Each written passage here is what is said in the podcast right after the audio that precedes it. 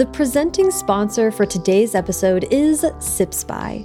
The Sips By box is the only multi brand personalized tea subscription box.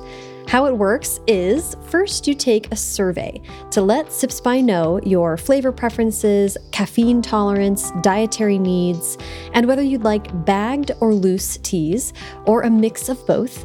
And then every month, Sips By matches you with four delicious teas from over 150 global tea brands, big and small, based on your unique preferences. Gift cards and subscriptions are available at www.sipsby.com, and First Draft listeners can use the code DRAFTSIPS for 50% off your first Sips By box at sipsby.com. Over here at Chez Enni, we are in week two of quarantine to be sure that the COVID that is in our house does not get outside of our house. I don't have it Could knock on everything, I'm still COVID free, but I'm chilling with my roommate because we want to be safe. And uh, something that has been helping me through it, these kind of strange days, is I went back in my Sips By archive to my December box and I found Night Tea Night. Get it? Night Tea Night by Sis Got Tea. Uh, that's the company that made this caffeine free, really delicious, soothing kind of chamomile blend tea that has been helping me wind down at the end of the day and relax uh, and get through this stressful January. Um, so I'm so grateful for it. Be sure to follow at SipsBy, that's at S I P S B Y, on Instagram for weekly giveaways and more. And don't forget to use the code DRAFTSIPS for 50% off your first Sips By box at sipsby.com.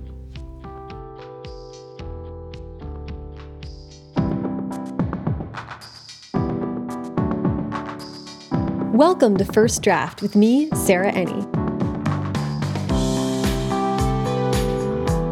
This week I'm talking to Swan Huntley, the author of adult literary novels The Goddesses, We Could Be Beautiful, and her newest, Getting Clean with Stevie Green.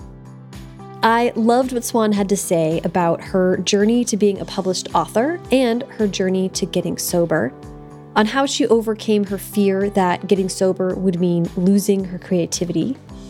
And she talks about decluttering and its connection to creativity, and how she let herself start drawing. She let herself be bad at drawing which ended up turning into an entire other passion project that kind of takes some of the edge off of the loneliness and isolation of a writing life.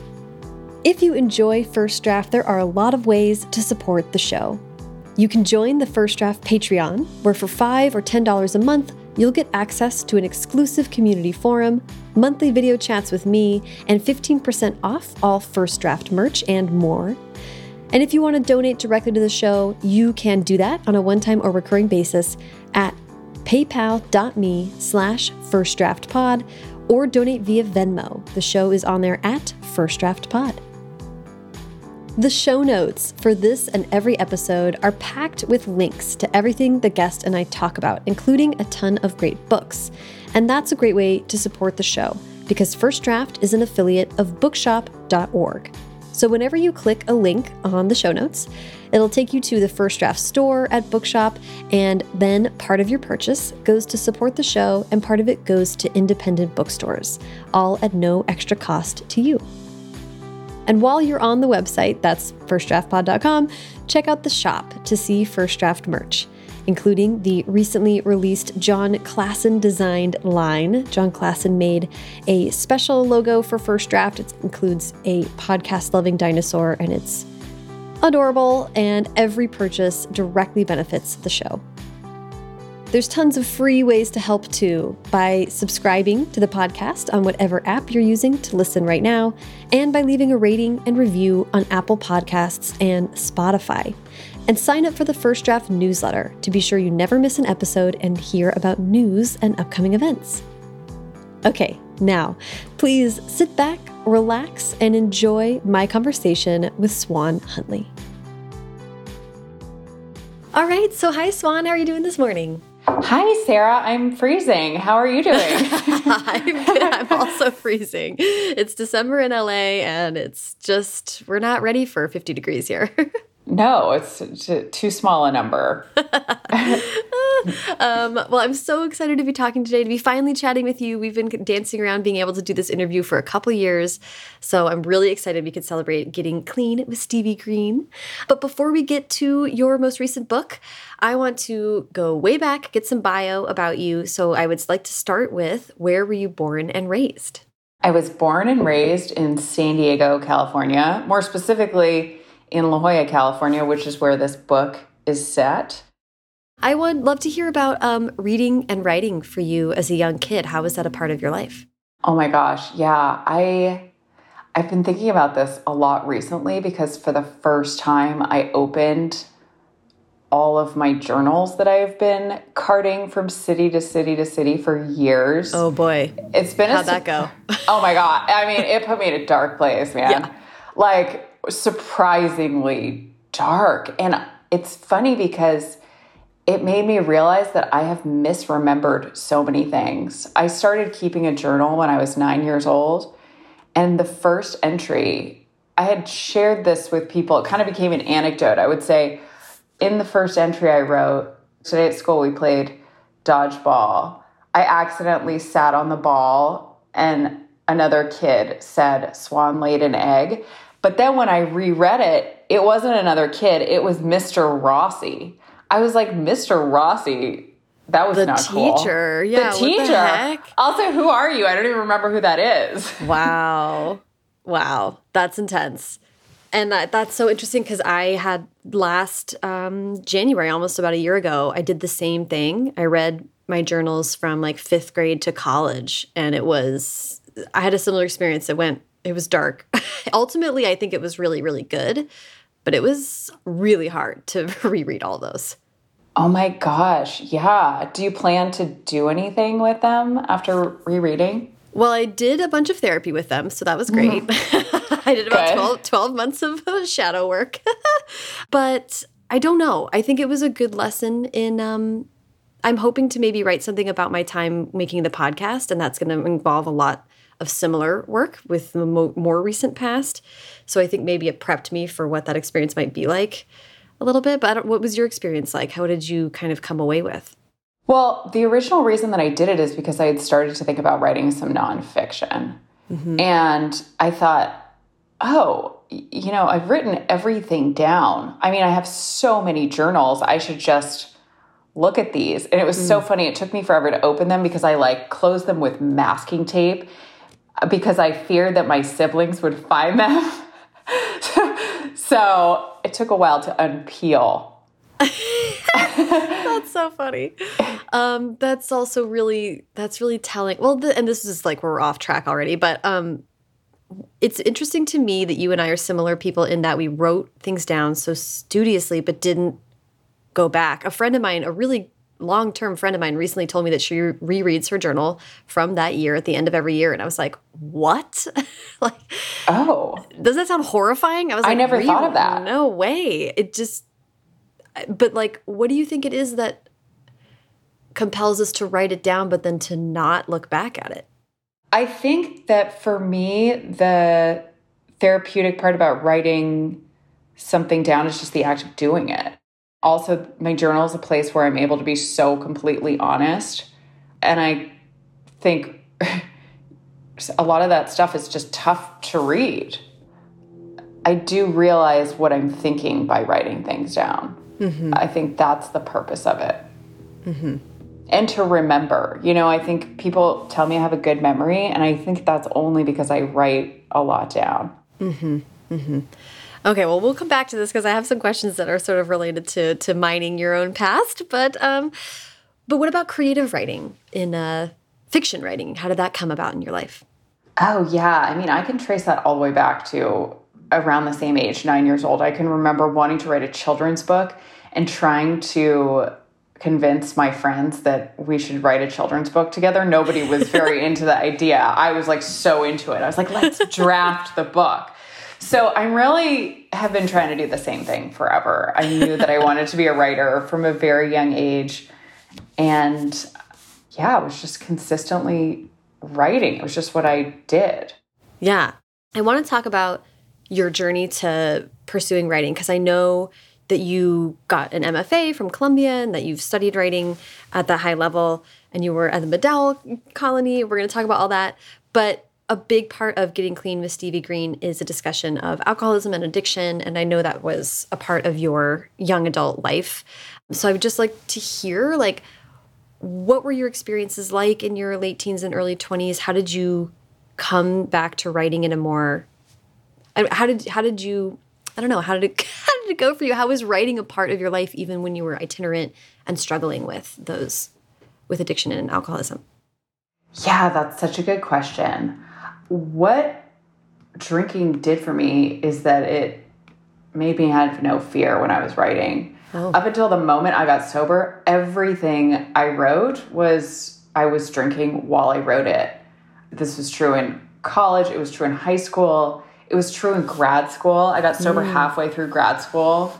Um, oh, interesting. So I was really a mess during that time. People are like, "How's grad school?" I'm like, "I don't even really know." Um, but I mean, it turned off the mean voice in my head. You know, that's that's what it did for me. Mm.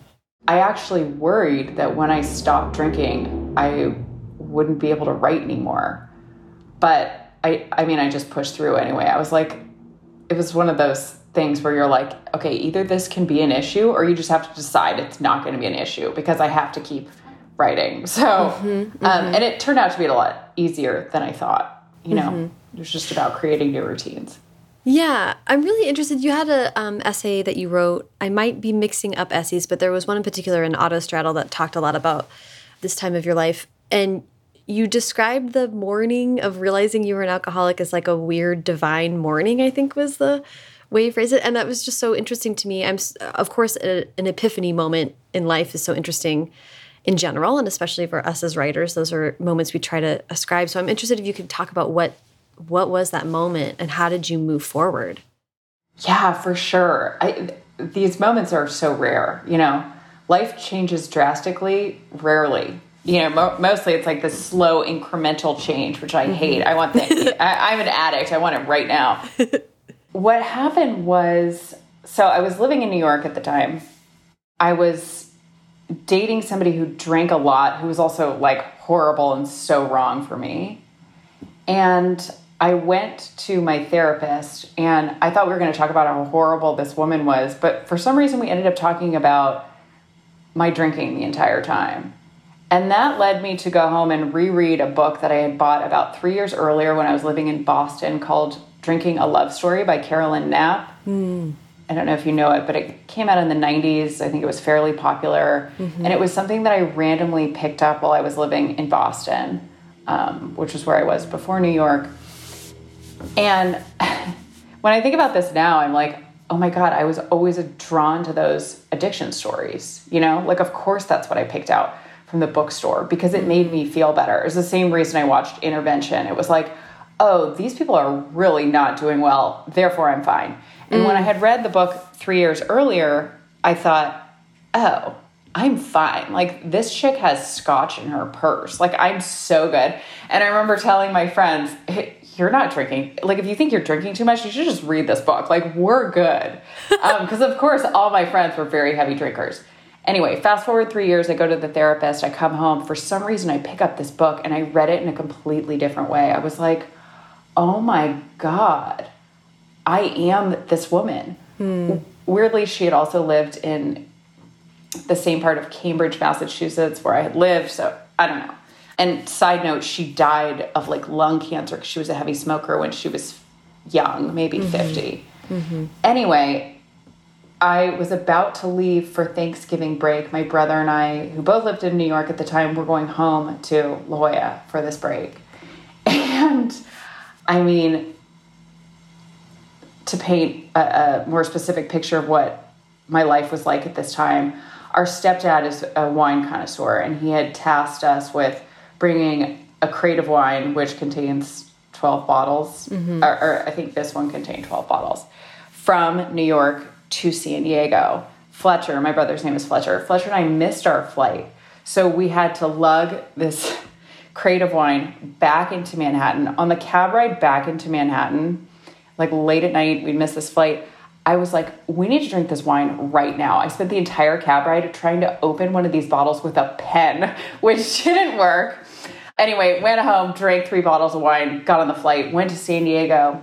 We had Thanksgiving. On Thanksgiving night, I don't remember how it ended. I was just blackout drunk. It was just, have no idea. Woke up at 6 a.m. I was still drunk when I woke up, and I woke Fletcher up, and I was like, dude, let's smoke a bowl and go jogging at the shores, which is like the beach nearby. We smoked a bowl, we go down to the shores. I mean, and I should also say, my drinking was so out of control. I, I, was doing drugs too. It was like nuts, but but I was also really together. You know, it was mm -hmm. like mm -hmm. I'm going to grad school and I have this good apartment and like it was a it was total double lives. Mm-hmm. So and and I had become interested in exercise and yoga. So I would like get wasted and then force myself to jog a lot. I was like fighting both sides of the war really hard. Mm. So anyway, we're jogging on this beach. It's so cold and the sky was this burnt orange color, like apocalyptic. And there are these seagulls flying around. It was you know, beautiful. Like it's a beautiful place. And I'm jogging. I can't feel my legs. It's so freezing. Like my my feet are completely numb.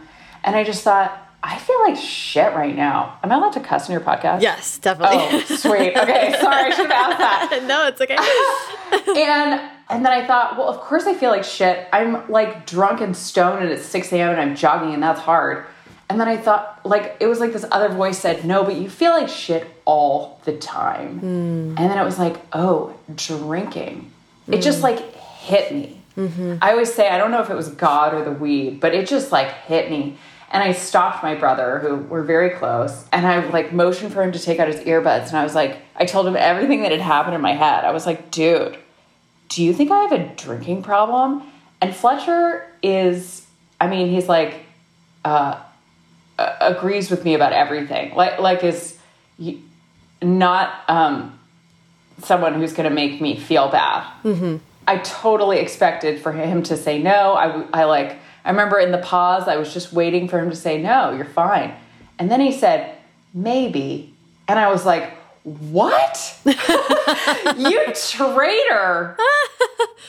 Thank you for for for talking about this. This is really just so interesting, and, and it is like you know, I've had a couple moments like that too, where like a voice comes out of nowhere, like suddenly fully formed, right? Or like you just are finally able to listen to it. But in my experience, it's been kind of similar to yours, where it feels like all of a sudden, but you know, you're telling me you read this book, you bought that book three years before, you've been watching shows. It's just like part of your brain is like prepared. It's like the slowest epiphany, right? Like what they say about every overnight success is like 10 years in the making. That's it so feels true. similar. Yeah, it comes to a boiling point. Yeah. And then all of a sudden it's so clear. You know, and, and I think it has to kind of hit like that in order for you to do what you have to do, which is change your whole life, basically. Yeah, I think, you know, we're, we're not ready to know things until we're ready to know things. Yeah, yeah. I, I'm really interested in this. You're already getting your MFA. Midway through, you have this entire that is a huge thing to have to say like I've never done this sober before. How do I approach this? Fear. I mean, like this is something that we talk about a lot with artists, like people worried about medicating themselves for depression or anxiety or any number of things because they're worried how it might impact their creativity. So I wonder if you could speak to kind of what that experience was like for you and what you found rediscovering your creative self as a sober person. Yeah. I mean, I think I really had so much fear that I wasn't going to be able to write as easily. And then I found that it was fine, you know? I find that a lot of things in life are like that. It's like all the worrying, and then you get there and you're like, oh, actually, I'm here and this is okay. Yeah. Yeah. Again, it was just about creating new routines. You know, mm -hmm. my entire life became a set of new routines. It had mm -hmm. been like, buy three bottles of wine and, mm-hmm. and some, you know, packs of cigarettes and be by myself. And then it turned to like going to a ton of AA meetings and um, not drinking at the computer and mm-hmm. having a new set of friends. Mm-hmm. And I mean, you know, you say it like that, that sounds so simple, but I that's oh. like you know, that's a I don't know, that's that's a huge life shift, you know. I just I'm I guess I'm excited that it worked for you. Yeah, I mean, it really was huge. Like I had been going to all these, you know, art school parties, which is like readings and drinking wine and whatever. And then suddenly I, everybody was like, where are you? Like I, I was like, I will not go to any parties. Mm. I remember we had this um, party, like a, the big end of school party, which is where the, it, the agents came mm. and you were supposed to like, you know, suavely pitch these agents in two sentences about your book. I called my one Mormon friend who I knew at school. I was like, you need to pick me up and take me to the thing and drop me off. Like I, I, I changed everything. I, I yeah. really, yeah. That's incredible. What did um? So I would like to hear about like what you went into your MFA program writing and what kinds of things you were exploring in your writing at that time, and and I'd love to hear if what if anything changed about what you wanted to write about as that went on. I think the main thing is that I moved from short stories to novel. Short mm -hmm. stories are uh, popular a popular thing to do in workshop classes because you can consider an entire work in mm -hmm. one sitting. But the truth is that I mean, a short story is a completely different creature from a novel. So I sort of did what I thought I should do in the beginning, which was write short stories. That's what I did for my first year. Mm -hmm. And then the second year, I was like, I, I just was always drawn to longer form. Mm -hmm. um, I also often think about how I'm drawn to longer forms of other things. Like I'm just like naturally inclined to tedious, time consuming exercises. Like when when I was a swimmer in high school, I did the 500 free, which is the longest one. I've like walked from the top of Manhattan to the bottom so many times. Like that's like I'm like this is my idea of joy. I love a jigsaw puzzle. Anything that's like long, arduous, that's my jam. So I started um, submitting pages of the novel my second year. Was the novel you started to work on We Could Be Beautiful, or was it something else? No. Okay. It was called It's Going to Be a Wonderful Day. And it was uh, a story, it was kind of like a Candide esque story about um, an overly optimistic young woman who lived in San Diego who had gone through a lot of trauma in her life but thought everything was perfect. It was a little more satirical than any of my published books. Mm-hmm. And what ended up happening, I mean, in my mind, I was like, this is going to be it. I turned, I think, the entire thing in for my senior thesis. And they were like, oh, you should send this out. And I thought, I'm getting an agent. This is going to be published. This is going to be awesome. I mean, I even painted the cover on a canvas. Wow, I like I had it all planned out. And then I sent it to some agents and they said, These are really great characters, but nothing is happening in this book. And I was like, What? Hmm. Oh my hmm. God. So I finally put it away and I wrote a different book, which was loosely based on my experience when I had lived in Boston of babysitting old men. Somehow I was like working at a bar at night, and then during the day I was babysitting old men. I was like driving this guy named Bernie around um, who had macular degeneration and like cooking him chicken fingers and stealing all his pain meds, which I later had to make an amends for, which he was so cool about. Um, yeah. Um, but it was loosely based on that. And I again, I was like, this is it. This is going to get me the agent. And I got more interest that time. I actually got somebody who gave me some notes. I think I took some notes actually. So I spent time taking notes. And I, I mean, I remember actually, yeah, after I met that guy, I was walking down Fifth Avenue in these boots and I was like, this is it. I am going to publish this book. It's all happening for me. And then eventually his boss came back with, the exact same thing that everybody had said in the first round, which is these characters are really good, but nothing is happening in your book. Hmm. And I thought, oh my God, okay, uh, this can't happen again. So I literally wrote on a post it, things have to happen, and put it above my desk. And I also outlined, I started outlining. I took uh. this ah. class with this woman, Ann Hood and she presented us one day with something she called the novel template. And I was at first so judgmental of this novel template. I was like, this is this is for peons. Like I don't need this. um, and I mean this this template changed my life. I actually just wrote Ann a note and said, I just want you to know that that template changed my life because that's what allowed me to start outlining, mm. which changed everything. And I'm not like a hardcore outliner. It was just I needed to have a better sense of where I was going and also of what was happening. Mm. Um, I, I think I could write. I mean, I could write tomes about you know, women sitting in rooms eating crackers. Like I could write about nothing forever, but people want a plot. And I also mm. want a plot when I read.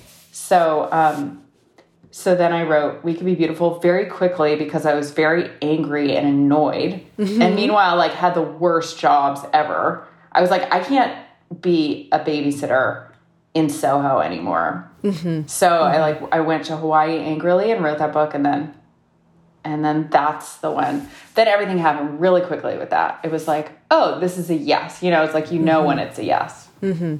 Yeah, that I'm, I'm, interested just in pausing really quick. Um, I do want to talk mostly about Stevie, but uh, your debut book, We Could Be Beautiful, it's got kind of like a thriller, like genre convention structure to it. There's like a mystery element and all that stuff. So when you're talking about like striving for figuring out how to make things happen, that makes sense to me that or I'm thinking about people listening who might be writers themselves thinking like, oh yeah, if if character is my strong suit, but I'm struggling with plot, like it does seem like a good piece of advice to be like, just pick a genre convention and try that out. Like having a suspense and thriller seems to be like a really good fit for your observational style and humor and all that stuff too.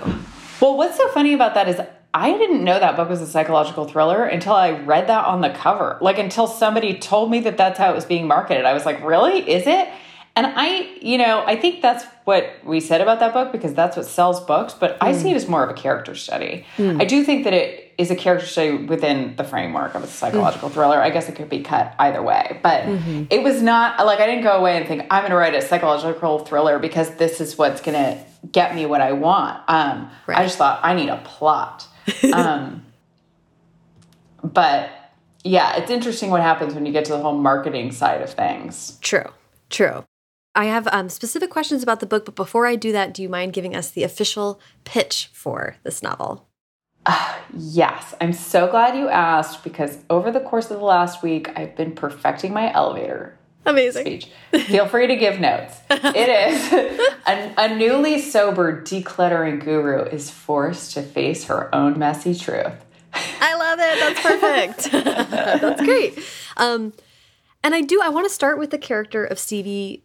And and as you say, like this book is, it feels really personal. It feels really like a lot of elements of. now, from reading your online essays that you've written, I see things that are in the book that are drawn from life. And it does seem it's in La Jolla. It's someone who's sober and also coming to terms with her sexuality.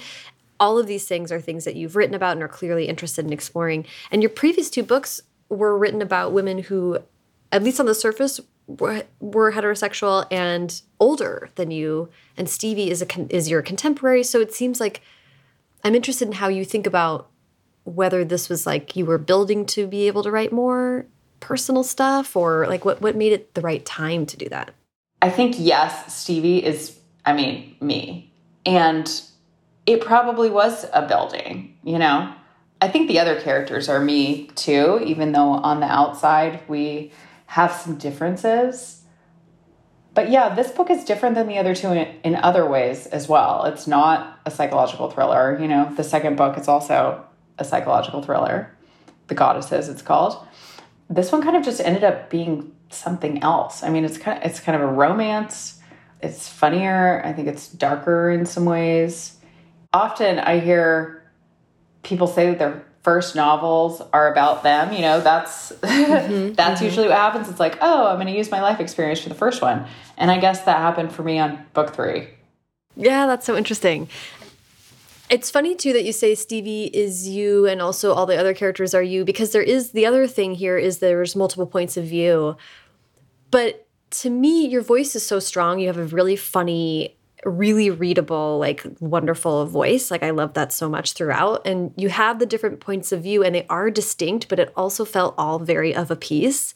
So in when I was writing my notes, I was thinking like in some ways it ended up feeling like like Stevie omniscient like somehow through through using all those voices. I don't know what was that like kind of putting in those really distinct voices.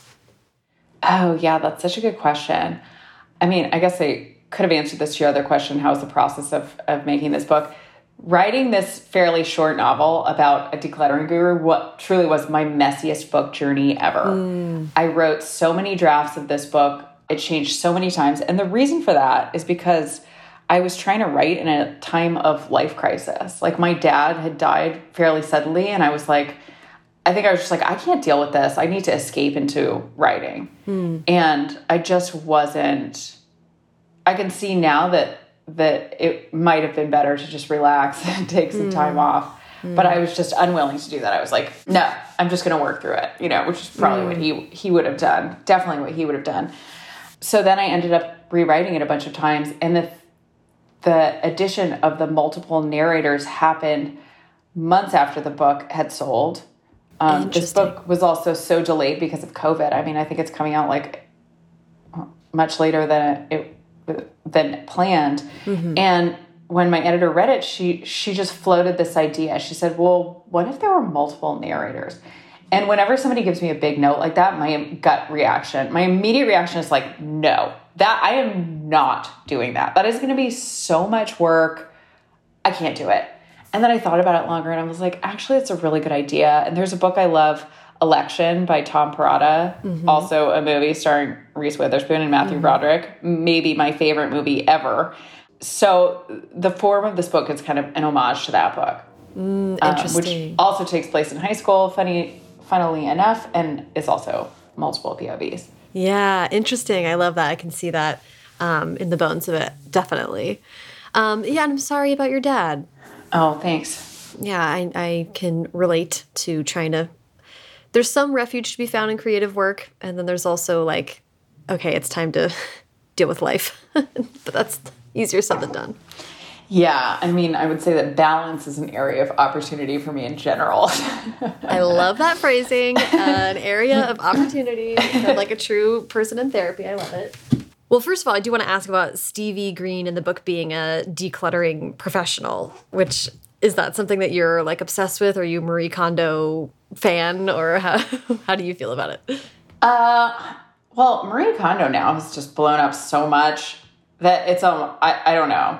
I recently went through the Artist Way, mm -hmm. and in that book, which I was like so judgmental of at the beginning. I like picked it up, rolled my eyes, bought it, and eventually did it. And then I was like, oh, I just wrote I just wrote an essay about this. But in that book, Julia Cameron talks about your low self esteem stuff. You know, mm. so she fr- she frames it in the negative. She's like, your old stuff is holding you back, and I think that's actually more effective than the way that Marie Kondo frames it. You know, which is like just her joy sparking thing kind of makes me feel like I am um, hugging the sun in a laundry commercial or something. It's like, yay!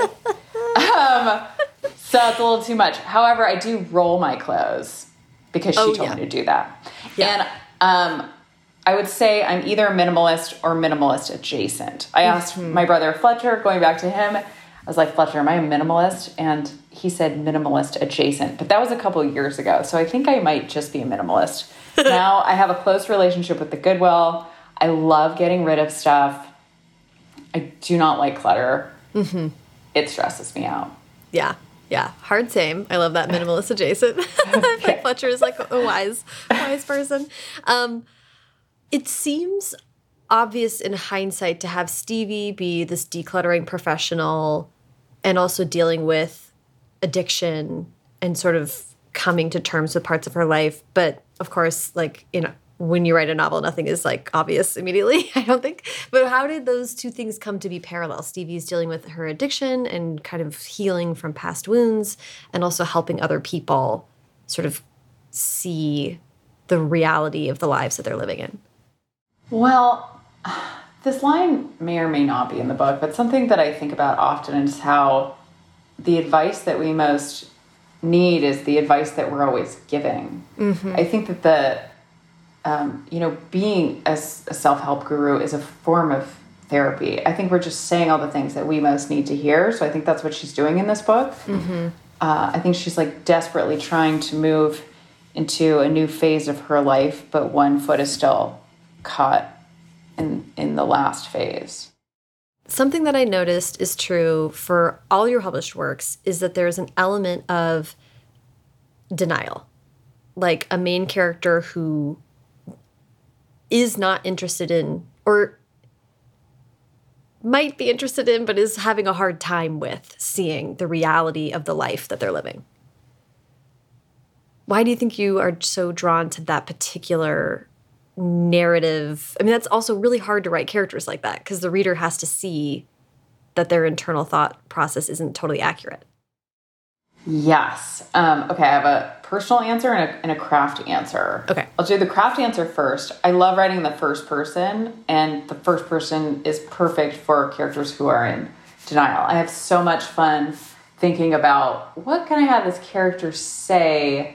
Uh, how can I implore the reader to be reading around this character, whatever mm -hmm. this mm-hmm. character is saying? So that can be achieved in in the reactions of other characters, you know? So it's always somebody who's a little bit unreliable, but mm -hmm. they're mm-hmm. also unreliable to themselves. I'm just endlessly fascinated by that because this is my own life. I mean, I realized I was an alcoholic when I was 28 years old, and I didn't come out until I was 26. So it I've spent a lot of time trying to be somebody who I'm not. You know, mm -hmm. like I think of myself. This is gonna. This might sound so cheesy, but reading through my childhood journals to go back to that, I got teased a lot for my name when I was young. Like people mm. call me flamingo and pigeon and stuff, as expected. But I sort of think I've had. Actually, this is going to tell sound too cheesy to say, but I was going to say like ugly duckling to swan. You know, it's taken me a while to become like a person, and I don't mm-hmm. even know what that actually means. But mm. um, yes, I've spent a lot of time in denial, is the shorter answer. Relatedly, Stevie has this like thing that really stood out to me that she tells herself, which is, I'm not a see through person. And it's kind of her, it's not really like, you don't really hang a hat on it in the book. It just appears a couple of times and it's so telling about what Stevie's internal state is and how she has like her self perception. And in the essay on Autostraddle, you wrote, My young life was spent trying to be invisible. I wanted to be understood only foggily because this was how I understood myself as a haze or as a yo yo suspended in air. And that is so, I just have so many feelings about that. I, like, I feel like I can relate to that. That sounds so, that's such a difficult place to come from as a creative person, too. If as a young person you felt destabilized and without a sense of self. I'm just interested in like what how you think about that and how you are kind of processing it through your writing. Hmm. I mean, I don't think I thought about it very consciously along the way, you know? As I said before, I I write in order to figure out what I think about things. Like mm -hmm. I, when I read something later, I'm like, "Oh, like when I think when I read We Could Be Beautiful back, I'm like, "Oh, this is a book about my fear of intimacy." And the goddesses, I'm like, oh, this is a book about that weird relationship I had with that chick who works at the hair salon, which is what that Autostraddle book right, is right. about. Like the character is based on that woman. Um, so yeah, I, I, if anything, I think that my writing has helped me get closer to the truth. What did it mean for you to write a coming out story like this for someone who is later in life? Yeah, isn't it funny to say later in life? A late bloomer. I, told, I always tell my therapist, I think I'm a late bloomer. And she's like, don't say that. Time isn't real. There's no specific journey. I'm like, oh God. But now people are coming out when they're like eight. So yeah. it's amazing. Yeah. Um, and I think one of the reasons that I didn't come out for so long is because I was just drunk for all those years. I mean, mm -hmm. I was mm-hmm. just like on drugs and drunk and not lucid. Mm -hmm. And like Stevie, I would keep having the same experience, which is I would have, I would like be drunk, have a sexual experience with a guy, and then be like, I don't, I don't know how I felt about that. I don't really remember it. Mm -hmm. um, so that happened a painful amount of times. Mm-hmm. So, mm-hmm. Does it? I mean, I think it's important to have stories like like we do hear about the eight year olds who know themselves and come out, and it's very exciting. And this is also a valid story of someone who is delayed from understanding who they are because of addiction. Yeah, I think you know that's the bigger piece about addiction. Uh, you know, you're numb to who you are, and I also think there are many people who come out later in life, and you know, some people decide that they're queer. I mean, it's a, a broad spectrum. That's not Stevie's experience. That's not my experience. I was mm -hmm. like, oh, I just don't want to date men at all. But there is, um, it's nice to have such an available spectrum mm -hmm. of options today. Yeah. And Stevie falls for her childhood friend who is also sober. I liked what Chris had to say too of like I didn't know for 2 years after I was sober that I didn't like vanilla ice cream or you know like Chris is also still in like the post addiction like discovery of self phase as well. Yeah, it really takes a while. I mean, the popular saying about it is you go back to however old where you were when you stopped drinking. Mm. So it's hmm. like when I stopped, I started when I was 13. So then I was suddenly like 28, but also kind of 13 in my mind, if if we want to say that's true. Mm. I haven't heard that actually. That's really interesting. Mm. It makes sense. I apply that to when I got divorced. I went back to where I was when we got together. It was like I kind of have to build from there. Oh, interesting. So if we do that math, I'm 28. oh, great. Uh, yeah, happy to be here. Um, yeah, that's that's so interesting. What are you feeling about? I, I'm so interested that you're in LA. You've been here for four years. I'm coming up on in February, I will be in LA for seven years, and that will officially be the longest I've lived anywhere in my whole life. So I'm like really excited to like be in that headspace, which I've never been in before. How are you thinking about settling or being in one space and feeling like building roots in a different way? I, for the first time, do not want to escape. I feel like I've run out of cities. I've lived in all the cities that I want to live in. Like, I'm tired. I'm over it. I have these plants now here to take care of. Mm -hmm. uh, I'm happy to be back in Southern California. It just smells like home to me here. I love New York and I miss New York a lot, but I'm I'm not that hardy, and I don't like being cold. Um, mm -hmm. So I'm very happy here, which yeah. feels so nice. Not to be constantly thinking, where am I going to move next? When am I leaving? Yeah. What did you? I mean, how did you think about? I am already feeling a lot of internal change having to do with this being in one place longer. Like I'm getting the rewards of friendships that are actually developing instead of being like, I mean, I had this whole period, and I've talked about this on the podcast before, but normally it got to like about five years, and my brain, my brain really started to emotionally detach. It was like, well, I hope you enjoyed these friendships because they're all going away. Like you get ready, start packing your bags. Like my brain was like starting to do the protective protective shutting down part. And it was only through therapy that I was like, oh, that's what's happening. And now I'm giving myself the chance to like move into uncharted territory of like, oh, something could last now. Like it's just it's opening up a whole new headspace for me. I'm interested if you've thought about that at all. That is fascinating. I haven't I have not thought about it like that, but I feel like I I relate to that. Like the detaching and not even really realizing it. Yeah. I think also what happens when you move to a new city is you make a bunch of starter friends. You know, it takes a long time to get to know people. So at first it's like, oh, you're my cousin's brother's dog's friend. Let's be friends. Yeah. and then a couple of years pass and you're like, wait a second, we don't need to hang out all the time. Um, so it takes a while to find like your people, and I feel like I'm finally finding my people in LA, mm -hmm. um, and that feels really nice. I also have spent a lot of my life not wanting to be known. You know, like I've I've liked walking around and running into nobody. I don't. Mm. I haven't liked it in other cities when I run into somebody I know. I like hide. Mm. Um, that's just my natural has been my natural impulse.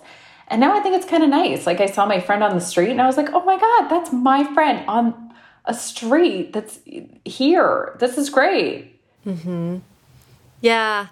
And I had that too. I was like driving by whatever the Trader Joe's in Silver Lake and I saw a friend walking the parking lot and I was like in my car driving by like hi, Gina. And she was like, hey. And then later we texted about it. And I was like, this is what it means to like live in a city, like to be a citizen of Los Angeles. You know what I mean? Right. Like a member of the community. Yeah. Um, how amazing. Who's, I wonder if I know, I wonder what other friends we have in common. I bet you Sarah. a lot. Yeah, I know. We'll have to. Well, we can talk about that off mic. Like we'll go get coffee and compare. But um, yeah, it's it's so funny that we're having such similar experiences. And and with the city, I mean, I went to high school in San Jose, so I didn't have a Southern California connection growing up, but. LA is so similar in that I know what fall feels like in California. I know the trees. I'm, I can drive up to Santa Cruz anytime I want, which is a, an important place to me. So, it's LA has ended up being the perfect place to kind of hold my adult self. I think. It sounds like you're having a similar experience. Totally. Where, um, where, what other cities were you living in before this? I was uh, born in Tacoma, lived in Tucson, was in Arlington, Texas for a while, then went to Seattle for gr- uh, college. After that, moved to DC for six years, and then was uh, then LA. Or San, I missed San Jose. Yeah, that was my whole high school. uh, so all over the U.S. Oh my God. Yes. We have such similar experiences. When you just did that list, I just, I do the same list all the time. Somebody Yeah. asks me and I'm like, okay, wait, I got to go through it. What Yeah. Yeah, and it's really funny, you know, when people are like, "Well, what's your hometown?" I'm like, "I don't know how to answer that." It's different uh, depending on what you are asking in reference to, you know? Like high school feels like such a formative thing that it's like San Jose ends up being it a lot of the time, but all my family's in Washington state, so that feels more like if I say home, that's what I mean. So it it gets confusing. right. So you were growing, you were moving around a lot in childhood. Yeah. Yes. Okay. Yes. And then as an adult, I was married and it was to someone in the military. So I was like, okay, great. We're like, we'll just keep doing this forever. Like in my head, I had so locked in, like you live nowhere longer than four years. I had just accepted that that was going to be my whole life. And then, so along with divorce came this like, oh, I can, li- I can choose. And then choosing here and then being here and being here for a long time. It's this whole other phase of my life. It's like self determination. That's awesome. I think we're doing really well right now. I think we're doing great. we're doing great. I do want to ask really quickly about the MacDowell colony, just because I haven't been able to talk to anybody on the show about that experience before. Do you mind explaining like what that is and what your experience was like? Oh my God, yes. And I'd love to lump Yaddo into this conversation Yes. too. So, for all of you who are listening who are writers, I strongly recommend applying to both Yaddo and MacDowell. You can easily find these applications online. I think they each have three or four deadlines a year. They are amazing places where you go from between two weeks to two months to just work on whatever you want to work on. And it's not only for writers, it's also for visual artists and for dancers and uh, playwrights and uh, I think there are some architects sometimes. You can look up the details. Composers. What's so amazing about these places is that you get to work by yourself all day and then you have dinner with all these pretty cool people. And I first applied to MacDowell when I was when I had no no published works. I hadn't like zero published works. Like I had like nothing. Um, and I just sent in 20 pages of whatever. And I went and I really there was such a sense of belonging, you know? Um, and I mean, I spent the entire time in this cabin in the snow. It was so beautiful. It's just so nourishing. I started writing Stevie this last time I went to Yaddo. It was actually Oh, okay. the first time I went to Yaddo. And um, that's also where I started doing these drawings that I'm putting on Instagram now because I was avoiding writing Stevie. I was like, for some reason, this book, it was just so hard to write. The other two, just like, boop, just happened. So easy. This one, it was like, just gr- grinding. And um, I just didn't feel like writing the novel. And so I was, so I just started doodling, which has like led to this whole other Yeah. thing. Do you mind talking about that? I love that you Oh have these drawings that you put on Instagram and you've also made cards, which I will link to in, in the show notes, but they're so delightful. Oh, great. Okay, wait. I'm going to talk about the cards first. Sure. Um, so, well, okay, I'll say, I, so at Yaddo, I started um, doodling and I thought, I'm going to put these on Instagram because what am I going to put in this Instagram square? You know, like right. it doesn't feel very authentic to me to post, you know, books or I don't know. I just wanted to do something different. I was like, okay, I'm just going to start doing this.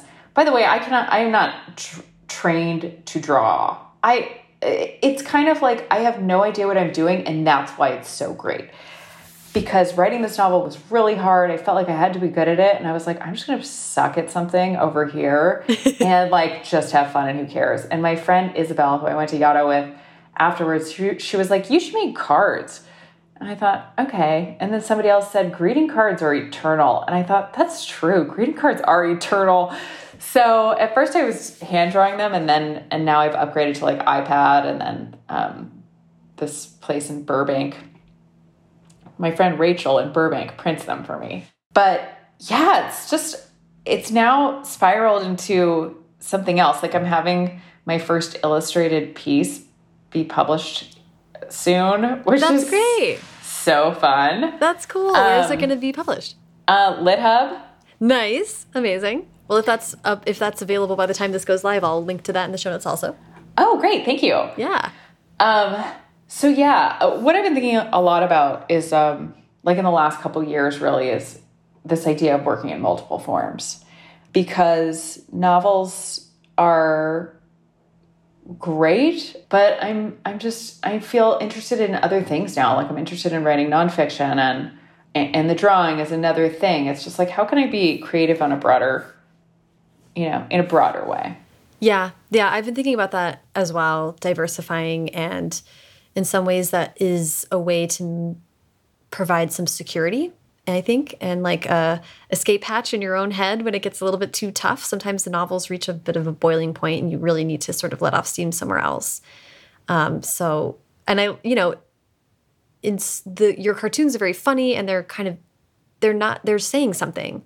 So it's another place to also like express yourself. They're not just doodles; they're like observations and they're funny and it's another way to sort of say similar things that you're saying in the book but so much simpler easier i shouldn't oh say God, easier it happens you know. immediately it's so fast it's the opposite of writing a novel it's like ooh yeah. immediate gratification kind of like vacuuming i think yeah. that might be ellen and stevie but wait the last thing i want to say the about the cards is yeah. this last weekend my friend said i'm doing this pop-up do you want to come sell something and i was like okay, I guess I could sell these cards. I've never done this before. I went to this little like pop up market in Ojai and put my cards on a table that my friend gave me.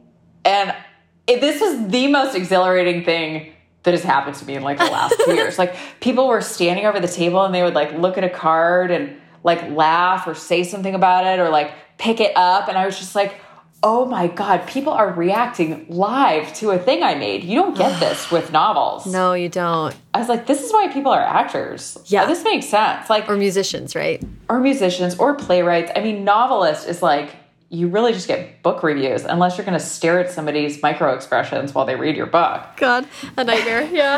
like sounds horrible. But I was like, this is just fun, you know? Yeah. And I think too diversifying mitigates the pressure of the novel, which is a, like a long, slow process. Yes. Well, I couldn't agree more. And I tell people all the time that that's what's happening with this podcast, right? This is like, not only do I get to read a bunch of books and read more widely than I would otherwise, but I get to talk to the people that whose work I'm reading and I get to publish it every week. And I get to then talk to listeners who are different from readers, who are different from, you know, like uh, any other thing. And I have control over this little wave file or whatever it is, you know, in a way that we just never can with books because we decided to publish traditionally. You give up so much control and you kind of put it out in the wind and see what happens. But with a car, you, you can talk to someone in Ohio who is buying your cart. That is like so different. uh, it was the most amazing thing. And this podcast, so cool that you're doing it. Thanks. Well, it's been really fun. Uh, and it's been really fun to have you on and talk to you about your book. Thanks Thank for coming. You, oh my God. Thank you so much, Sarah. It's so nice to finally meet you. I know. Same. Um, I do like to just wrap up with advice. So I just would love, you know, it's a, the broadest, most obvious question we answer all the time, but I would just love to hear if you have advice for someone, especially who's maybe writing a story as personal as what Stevie ended up being for you.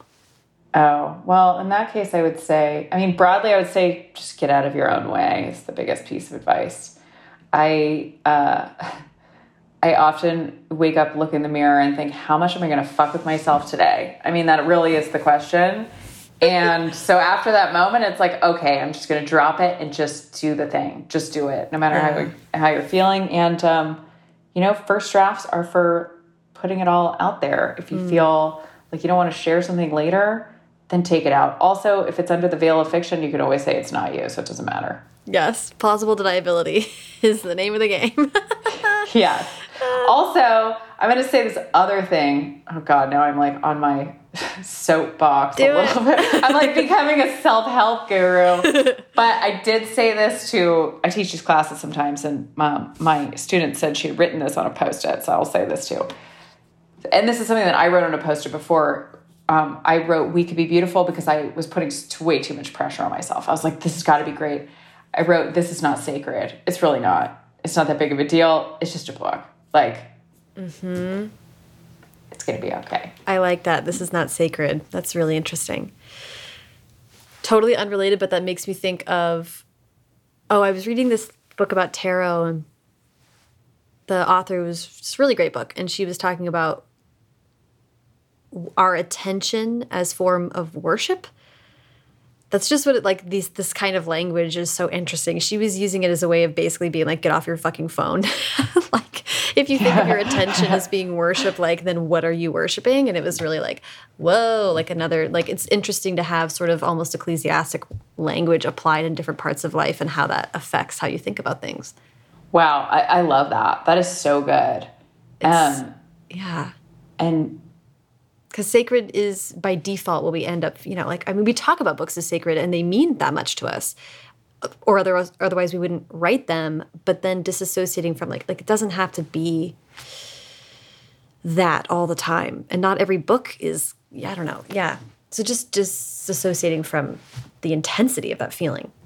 Yeah and the intensity in general you know i, I always have a student who's like i'm going to write a book that takes place in the future, but it's also going to incorporate somehow the Victorian era, and there are going to be like seven different narrators and like several wars. And I'm just like, dude, don't do that. That's too much. Like that's just that's just don't do that. Yeah. Uh, so like lower lower the bar. Just finish something. Yeah. That's yeah. it. I love that. That's great advice. Uh, Swan, this has been so fun. What a pleasure. And I thank you for uh, taking all the time to chat with me this morning. Oh my God. I hope you have a great rest of your day and let's have coffee soon. Let's do it. Thank you so much to Swan. Follow her on Twitter and Instagram at Swan Huntley and follow me on both at Sarah Enni and the show at First Draft Pod. First Draft is produced by me, Sarah Enni. Today's episode was produced and sound designed by Callie Wright. The theme music is by Dan Bailey, and the logo was designed by Colin Keith. Thanks to social media director Jennifer Nkosi and transcriptionist at large Julie Anderson. And as ever, thanks to you, fans of the long and arduous, for listening.